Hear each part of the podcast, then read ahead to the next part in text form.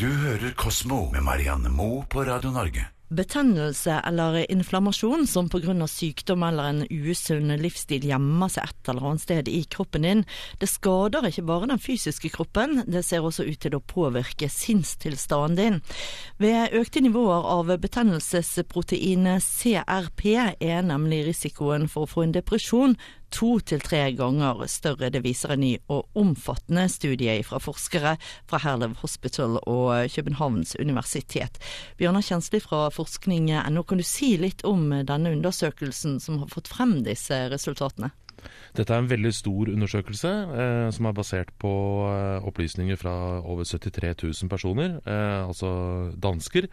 Eh, og det de har gjort, er å eh, det, altså det er en sånn stor befolkningsundersøkelse som man har, eh, man har fulgt disse personene i mange mange år, helt siden 1991, med jevnlig legebesøk og blodprøver og sånn. Og så har de sett etter dette CRP-proteinet.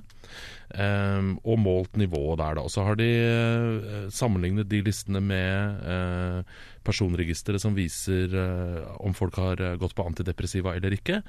og også om de har vært innlagt for depresjon og noen andre sånne faktorer. Og så har de da funnet at forekomsten av dette proteinet, de som har mer enn 3 mg per liter, de har forhøyet risiko for depresjon. Dette viser jo at det er et samspill mellom kropp og sinn, men vet vi i hva slags rekke rekkefølgeproblemet, om vi kan kalle det for det, oppstår. Altså blir man deprimert av å ha betennelse i kroppen, eller oppstår betennelser som en følge av depresjon? Det vet man ikke men, eh, helt sikkert. Det kan også være en ting som fører til både depresjon og betennelse i kroppen, eh, sånn at eh, ingen av delene blir riktig.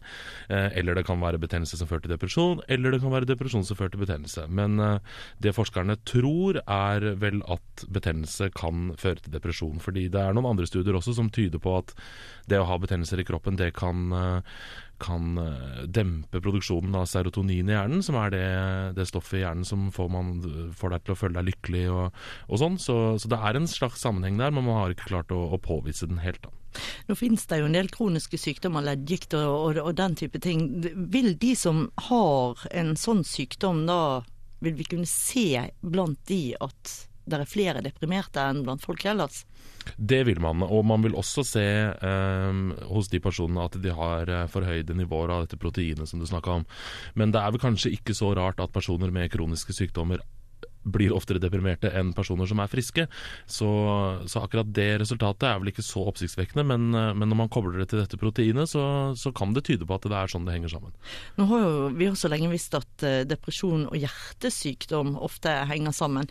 Kan betennelser i hjertet rett og slett ha vært noe man har oversett eh, i forbindelse med det? Det kan være det, eh, men eh, samtidig så, så, er dette her veldig vanskelig. Det er veldig vanskelig å finne ut hva som fører til hva.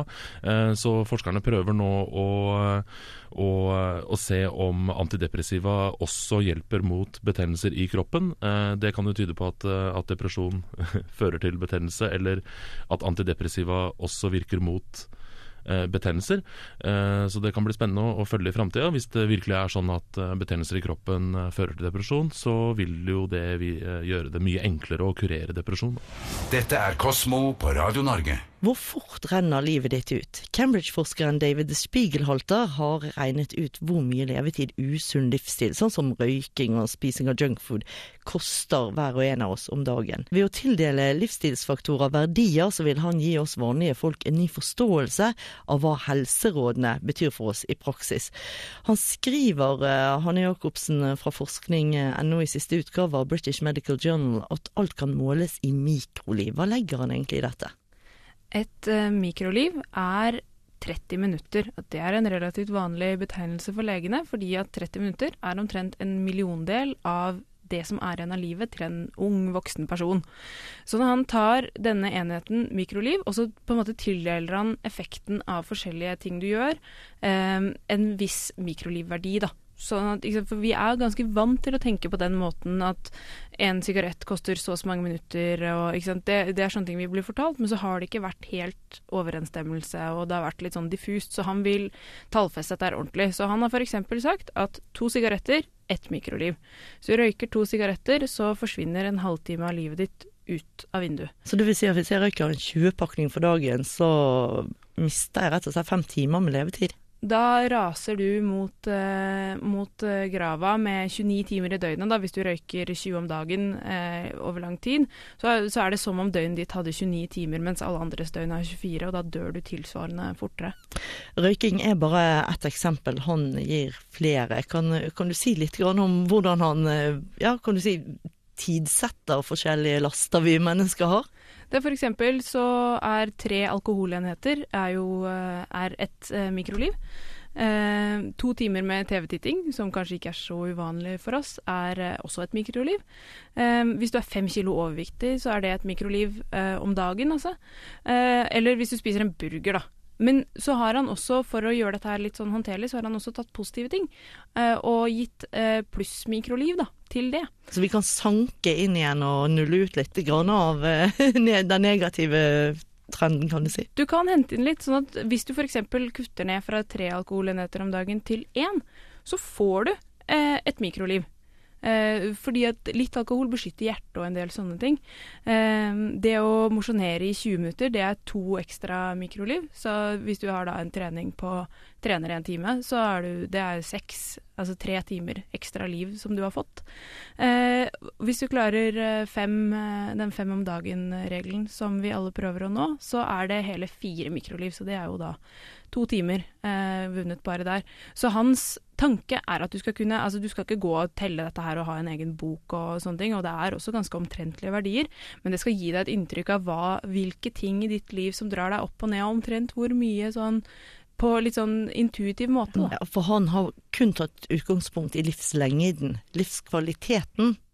Det er, det er, en, det er en helt annen greie. Og altså, hvis du syns burger er godt, eh, og, du, og, det koster deg utrolig mye å aldri ta deg en burger, så kan det hende at det er mer slitsomt for din kropp enn det at du spiser en burger kanskje en gang i måneden. Så han er jo veldig åpen på at disse tingene skal du ta hensyn til.